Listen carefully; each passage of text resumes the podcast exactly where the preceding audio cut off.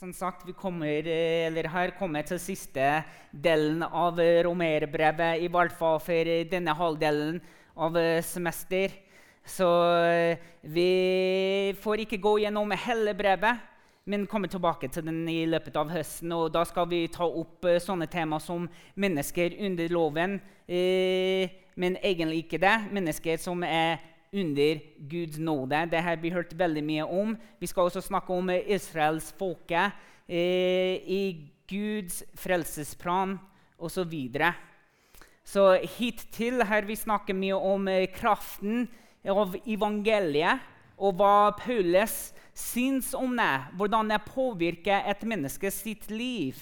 Eh, det er veldig viktig for Paulus å formidle til sine lesere og for oss i dag, hvor stor nåde en plass får i livet vårt. Uten nåde så har vi ingen sjanse å oppleve virkelig hvem Gud er i livet vårt. Og Paulus han hadde mye erfaring med det også. Så nåden er ikke noe vi kan gjemme oss fra. Eh, det er noe alle har et stort behov for, og noe som Paulus har pekt ut at det er gitt oss som en gave av Guds vilje for alle som skal ta imot. Og Vi fikk høre om Guds rettferdighet fra Conny. At det er ikke noe som vi kan jobbe oss for. Det er på en måte ikke noe vi fortjener, men det er også gitt av Gud. Det er Jesus. Det kommer i et forhold med Jesus som gjør oss rettferdige foran Guds øyne og trone og gjøre det mulig for oss å komme inn i hans nærvær. Så her vi hørte forrige søndag at alle kommer inn i denne verden med en syn natur. Det er ikke noe vi kan eh, gjemme oss bort fra. Det er ikke noe vi selv kan gjøre for å komme oss ut av den naturen. Paulus sier den eneste måten at vi blir frigjort av den synnaturen, er å overgi oss til et forhold med Jesus Kristus. Og det syns jeg er så viktig for oss å ikke bare høre igjen, men få med oss gjennom hele livet. Fordi synnaturen det, det prøver alltid å liksom få oss tilbake i den rytme, de gamle rutiner, og få oss til å sette selv høyere enn Gud. Våre egne prioriteringer, våre egne ønsker over hvem Gud er, og hans vilje og hans ønsker for vårt liv. Så det Paulus skal snakke om nå i kapittel 6, det er så viktig for oss å forstå hva det betyr. Fordi etter man har tatt imot Jesus i livet, etter man har kommet fra den død til det livet, fra det gamle til det nye, liksom, hva er veien videre? Hva er neste skrittet for et menneske? Og I dag fortsetter Paulus med det. Og Han starter med en veldig interessant argument. Og Det har vi allerede hørt egentlig i kapittel 3, da Kirsti tok det opp. Og det var mange som lurte på hvis, hvis Guds nåde er så stor, hvis det finner plass i livet vårt, men er det ikke greit at vi fortsetter å synde mot Gud, gå i opprør mot Gud, fordi vi hjelper Han på en måte å gi enda mer nåde til oss som mennesker? Så da er det greit liksom, sant, at vi bare fortsetter i synd. Så det er det første Paulus eh, liksom tar grep i, i her i, i kapittel 6, vers 1-3. Det står kan vi ikke fortsette å synde, så nåden kan bli enda større. Slett ikke, sier Paulus. Hvordan kan vi som er døde bort fra synden, fremdeles leve i den? Eller vet dere ikke at alle vi som ble døpt til Kristus Jesus, ble døpt til hans død? Paulus var vant til en sånn uh, tankegang. Han visste at det argumentet fins. Så det er viktig at han tok det opp med en gang. For dere kommer til meg med dette her, så skal jeg også bli klart for å gi svar på det dere allerede tenker. Og den er også noe vi opplever i verden i dag. Når vi tenker at mange setter seg selv høyere enn Gud. Så da har de allerede gitt seg en plass at ja, det er greit at jeg skal bare leve livet mitt som jeg ser er best for meg. Og vanligvis fører det mann bort fra Gud og til synd når Gud ikke får sentralt plass i livet. Og Paulus og vi oss i dag trenger å vite hvordan vi kan snakke med folk om akkurat det her. Og eh, som jeg snakka om forrige søndag, det er akkurat med det spørsmålet liksom, Hvilket liv lever du nå? Hvilket type liv ønsker du å leve fremover? Er det et liv etter Adam, hvor den synaturen skal fortsette å finne sted i livet? Eller er det etter Jesus, det liv som skal alltid føre til et veldig godt liv med Gud nå og i det livet som kommer etter? Så Paulus som sagt, han var vant til det. Vi skal også bli vant til at folk har en sånn eh, tankegang i verden i dag. Og han sier slett ikke. Så fyller han opp med sitt eget spørsmål. Hvordan kan vi som er døde bort fra synden, fremdeles leve i den? Og Paulus i vers 3 avslører hvem er død. Og det syns jeg er så flott, egentlig. Alle. Det fins ikke en eneste levende menneske. Paulus han sier alle er døde. Bare tenk at du får høre. Du, du, står der, og du lever. Og Paulus sier til deg rett og slett Men du, du er død. Hvordan skal du begynne å tenke på det da? At jeg, jeg lever, men jeg er også død. De to tingene henger egentlig ikke sammen. Men først må vi tilbake for å forstå helt hva Paulus tenker på her. Tilbake til forrige søndag, hvor, eh, hvordan Paulus lenker sammen Adam og Jesus. Paulus snakker om det med Adam gjorde det i sin ulydighet, og at det introduserte synd til verden. Og det førte til at alle skulle dø. ikke sant? Og Jesus han overvant synden og døden ved sin lydighet. Paulus er veldig tydelig at Jesu død var betalingen for synd, slik at vi som mennesker kunne bli forsonet med Gud igjen. Hvis man er død, trenger man ikke å tenke lenger på synd, egentlig, fordi man kan ikke gå i opprør mot Gud. Hvis man er død, så kan man ikke synde lenger. Sånn er det bare rett og slett. Så hva gjelder det egentlig et levende menneske? Hvis man må dø for å unngå synd det, det høres veldig forferdelig ut. Så det egentlig må være noe annet som ligger inni det her, som Paulus snakker om. At ja, du lever, jeg ser at du lever, men du er død. Og den eneste, den eneste som han snakker om her, er at de må også finne et liv nå. Det som er behjelpelig med det Paulus snakker om og sier, er om man skulle dø og så leve igjen. Og dette er akkurat det Paulus bekrefter i vers 4-6. Vi ble begravet med ham da vi ble døpt med denne dåpen til døden.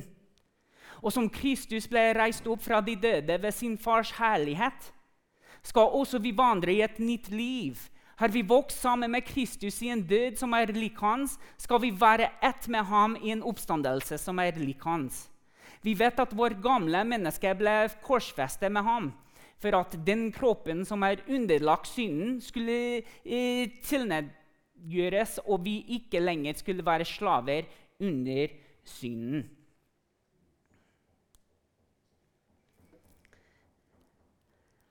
Man dør før vi kommer i det forholdet med Jesus Kristus.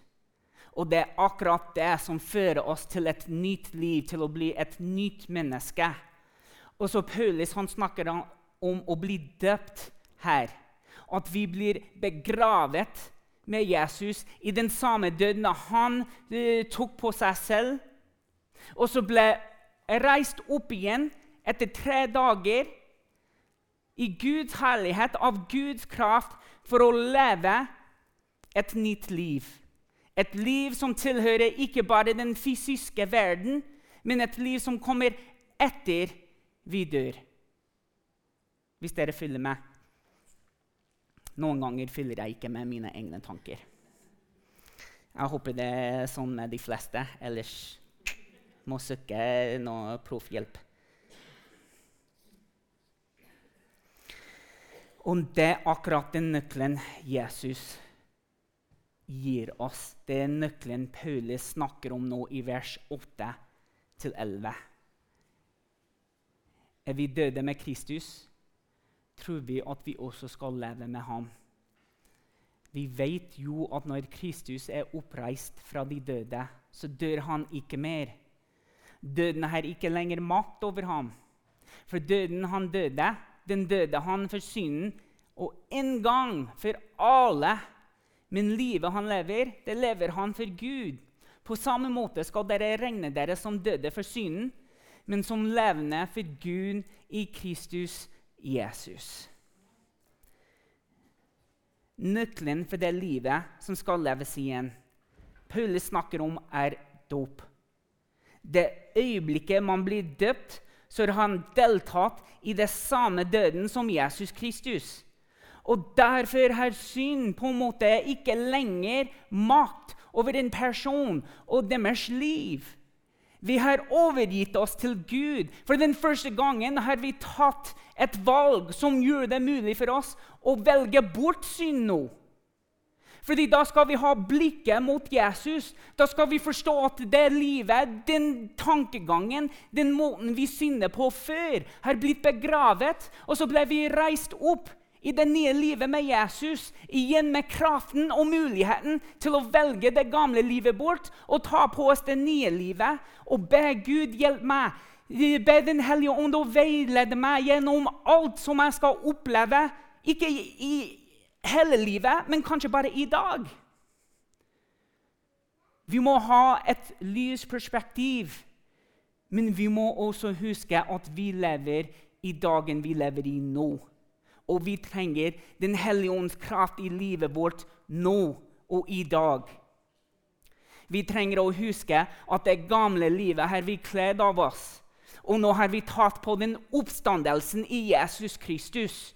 Den som evangeliets kraft gjør det, gjør det mulig for oss å leve et liv for Gud, ikke lenger for selv. Og det er akkurat det Paulus snakker om. Om betalingen for synd er død, så er betalingen å tilhøre Han som overvant døden, liv. I et liv med Jesus så er det et liv levd for Gud. Der hva blir bekreftet når man blir døpt. Ved å tro på Jesus har vi tatt imot Guds nåde og frelse. Derfor sier man at 'jeg har blitt frelst'. Fri fra syndens makt. For første gangen kan vi velge å ikke synde. Å bli døpt signaliserer ikke bare en endring som foregår inn i oss, men en bekreftelse for Guds menighet at vi ønsker å lemme oss inn i Guds familie. at vi ønsker å gå i tjeneste for ham. At vi ønsker at han skal bruke oss på den måten han ønsker. Vi gjør oss tilgjengelig for hans rike og hans menighet. Dåp er ikke lenger bare en rituale. Dåp er en veldig stor åpenbaring for selv mennesket og for Guds menighet. Jeg lever ikke lenger for meg selv, jeg lever for deg, Gud. Jeg lever ikke bare for meg selv, men jeg ønsker å gi meg selv bort til din menighet.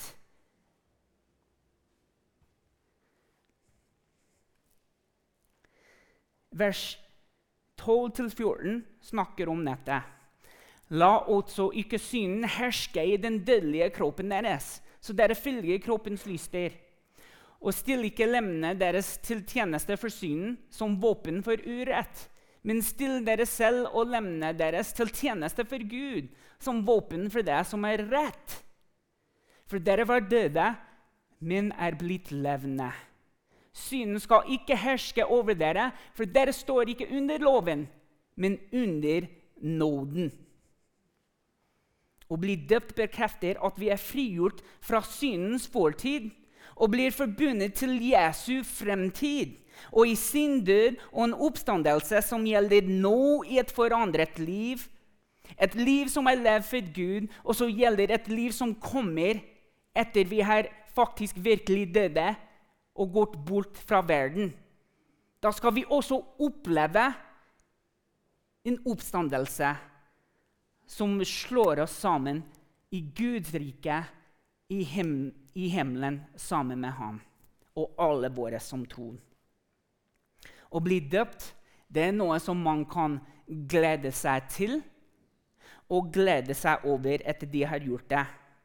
Jeg kan huske den dagen fortsatt. Eh, det var for 17 år siden da jeg ble døpt. Og jeg, må bare være ærlig nå og si at uh, jeg, vet ikke om helt at jeg var liksom sold out for Jesus og det det betydde for livet mitt. Skjønte ikke alt, men jeg har tatt et valg. Jeg er kommet til det punktet i livet mitt at ja, jeg, jeg mener at jeg tror på det Jesus har sagt og gjort, og eh, alt det der. Men hva skal jeg gjøre nå? Og da kom det en eh, kort eh, opplysning i menigheten uh, at ja, det blir mulig for at man skal døpe seg om noen uker. Og det var liksom I løpet av de noen uker så skulle det bli 21. bursdagen min. Og da tenkte jeg ja, det skal jeg gjøre. Men da kom det et brev i posten. Snail mail, liksom.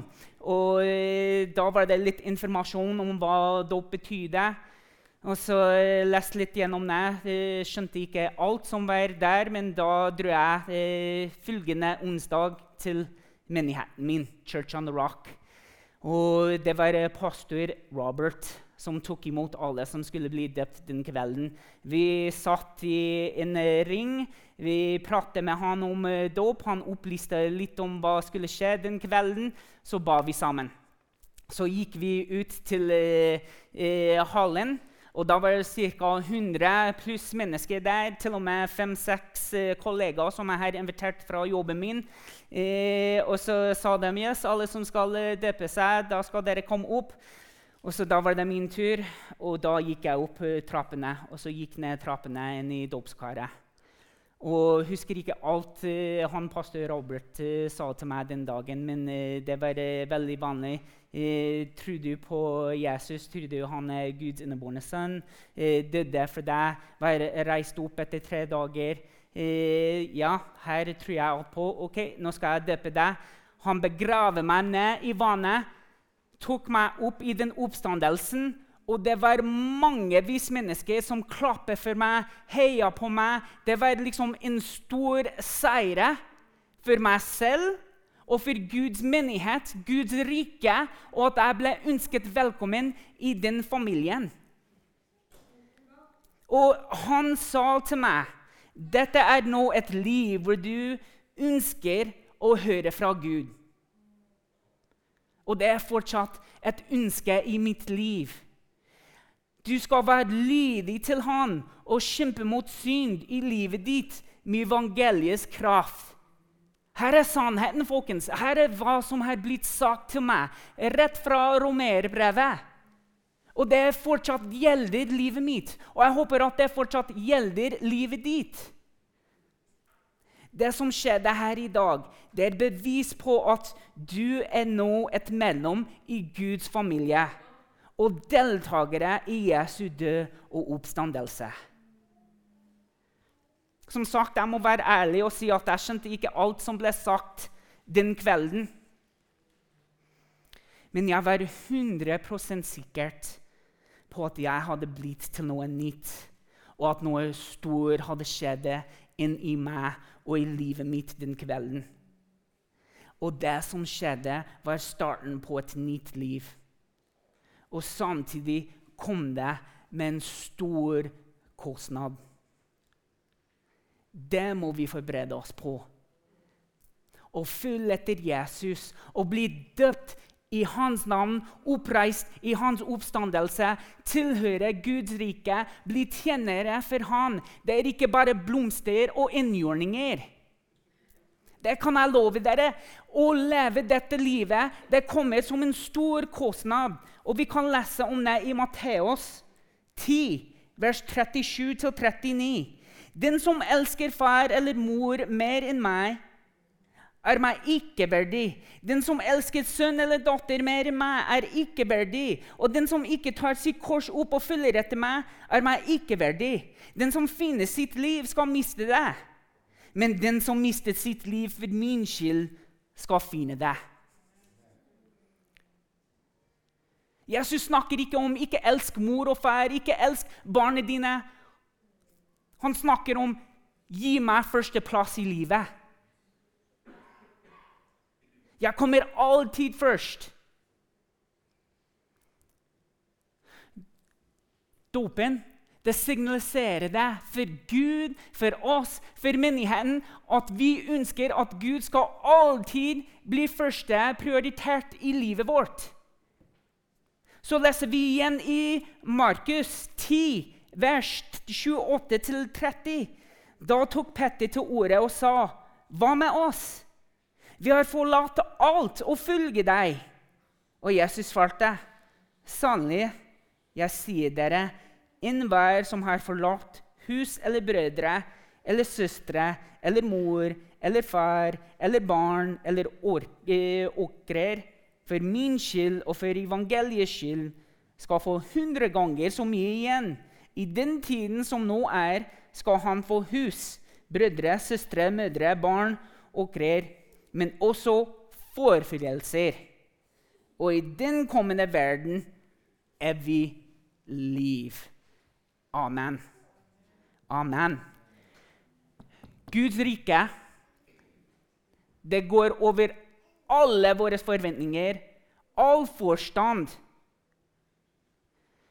Men det er så herlig, folkens, å bli velkommen inn i Guds åpne armer, i Guds familien fordi vi har forlatt det gamle livet og gitt oss til det nye. Men vi må forberede oss på at det blir vanskeligheter. Men det som er gode nyheter, er at vi har folk som skal stå sammen med oss, løfte oss opp, dytte oss gjennom, eller dra oss, eller bare oss, eller hva enn det er. Og starten etter man har tatt imot Jesus, er å bli begravet og så reist opp igjen. Til nye rutiner, nye prioriteringer. Alt måtte jeg ha lært på nytt for å følge etter Jesus. Alle som kommer til Jesus nå, må lære ting på nytt. Det er en del av den reisen. Men det som vi får tilbake, er verdt det. Et evig liv, sa Jesus. Et bedre forståelse av hvem vi er av hvem vi tilhører. Vi blir sterkere i hodet fordi vi vet Guds tanker om oss. Når ting blir tungt i hodet, så vet vi hvor vi kan snu oss, hvem vi kan snakke med, hvem vi kan be til, hvem vi kan forvente bønnesvar fra. Først og fremst Gud. Og så går vi litt inn i oss og reflekterer litt med hjelpen av Den hellige ånd. Og da kan vi gå til Guds menighet og be om hjelp og forståelse om ting som kanskje vi ikke forstår. Et bedre forståelse av hva vi skal gjøre med livet på grunn av hvem vi lever dette livet for. Vi lever ikke lenger for selv. Vi lever ikke lenger etter menneskelige lyster. Vi lever etter Guds vilje og Guds lyster og ønsker for vårt liv. Denne kostnaden å tilhøre Guds rike og bli bygd opp i hans bilde. Og tilhøre hans menighet som en tjener. Det er en verden som ikke forstår hva vi holder på med. Jeg tror det er bare sånn tull spøk, eventyr. Men dåpen i livet vårt, når vi blir døpt i Jesu Kristus navn, det blir så ekte hva vi lever for, hvem vi lever for, og hva vi holder på med. I Resten av kapittel 6 snakker Paulus om loven og hvordan det fører til mann å leve i synd. Og ikke, ikke fordi loven er synd i seg selv. Det er ikke det Paulus sier, det er ikke det Jesus har sagt. Men det, er, det forklarer, det åpenbarer at man aldri kan leve eller oppholde i eller lovens krav. Dåpen det var og det er fortsatt en forståelse at de som velger et liv med Jesus, lever i Guds nåde. Jeg vil eh, forlate dere med en historie som jeg tror oppsummerer serien eh, så langt hittil, og det Paulus her dekker hittil i romerbrevet. Og jeg syns det er artig og veldig sterkt. Det var en uh, ung mann som uh, bodde ute på landsby. Og han var på en måte en kjendis. Og uh, han var kjent for at han var en stor lyver. Han var lyver av alle kongene og alle i landsbyene rundt. Og alle som kjente han, kalte han for akkurat det løgnens konge. En dag ble han dødssyk. Og han samlet hele familien, slektninger, hele landsbyen, de fra landsbyene rundt dem. Og mens han uh, la i senga, kalte de nærmeste hans veldig nær og sa til dem, uh, til dem at uh, ja, jeg ønsker ikke å lyve lenger, og jeg ønsker å forlate dere med noe som alle kan benytte etter jeg er borte. Og nå hørte alle skikkelig på det han skulle si. Og han sa, 'Vet du mangotreet som ligger utenfor eh, huset vårt?' Der har jeg begravd en skikkelig skatt med masse penger inni det. Dere kommer til å leve veldig godt av de pengene. Dere kan bruke det til å kjøpe en ting til uh, husstanden, til landsbyen, til alle de andre uh, rundt omkring. Og så døde han. Og alle dem var veldig begeistra for at han skulle forlate en så stor rike eller skatt. Så da forsynte hele familien ut til det mangotreet og så begynte de å grave og grave, og grave, og så plutselig dum, dum, dum, fant de kisten som var der. Og så tok de den opp, og så åpnet det, og da var det en lapp innenfor kisten som sa Nei, her var det siste og største løgnen som jeg skulle forlate dere med. Hva har det her å gjøre med det Paulus snakker om?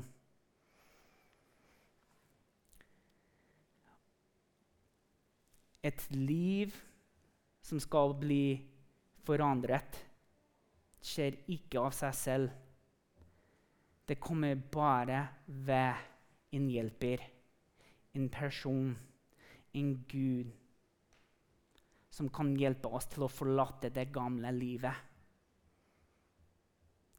Vi får ikke av oss den syndnaturen, det mennesket som vi virkelig er før vi kommer i det forholdet med Jesus Kristus. Vi får ikke nye tanker, vi får ikke ny kropp, vi får ikke nye rutiner, prioriteringer som vi ønsker, før vi kommer til Han som har skapt de nye tankene, som har skapt den nye kroppen, som har gitt oss det nye livet, rutiner, prioriteringer. Vi blir begravd med ham og så reist opp med ham. Vi deltar i alt som Jesus er, når vi tar imot ham i livet vårt. Paulus hittil har utmuntret oss med hvor stor kraft evangeliet har, og at det ikke er noe vi skal skamme oss over.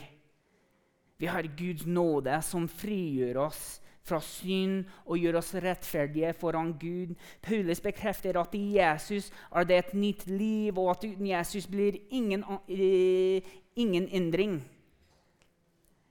Riktignok kommer ytre forandring fra et hjerte som er forandret ved Jesu Kristi kraft. Synden har ikke lenger makt over oss når vi blir født på ny. Syndens forbannelse og innflytelse er avsluttet med vår forening i Kristus, som har satt oss fri og gitt oss seieren over døden. Alt som er rett i livet nå, ved å fortsette å dukke opp og stråle ut fra livet til en person som opplever sitt nytt liv i Jesus å bli døpt spiller en sentral rolle i det livet. La oss be. Gud, vi takker deg for at du har gitt oss en kraft i evangeliet. Vi takker deg for din nåde, som vi kan ikke gjemme oss bort, men vi må eh, være ydmyke nok til å si at vi har behov for takke deg for at det er en frigave du gir til alle som tar imot deg. Takke deg for at du, Jesus, gjør oss rettferdig ved din gjerning på korset. Ikke ved hva vi kan gjøre og hvem vi er, men alt handler om deg og hva du gjør for inn og alle. Gud, takke deg for at du har sendt Jesus Kristus til å dø for oss på korset, slik at vi kan bli forsonet med deg. Du har gjort oss rent i denne handlingen. På grunn av deg, Jesus, kan vi kle av oss den synnaturen og ta på deg et nytt liv, en ny start og en god fremtid.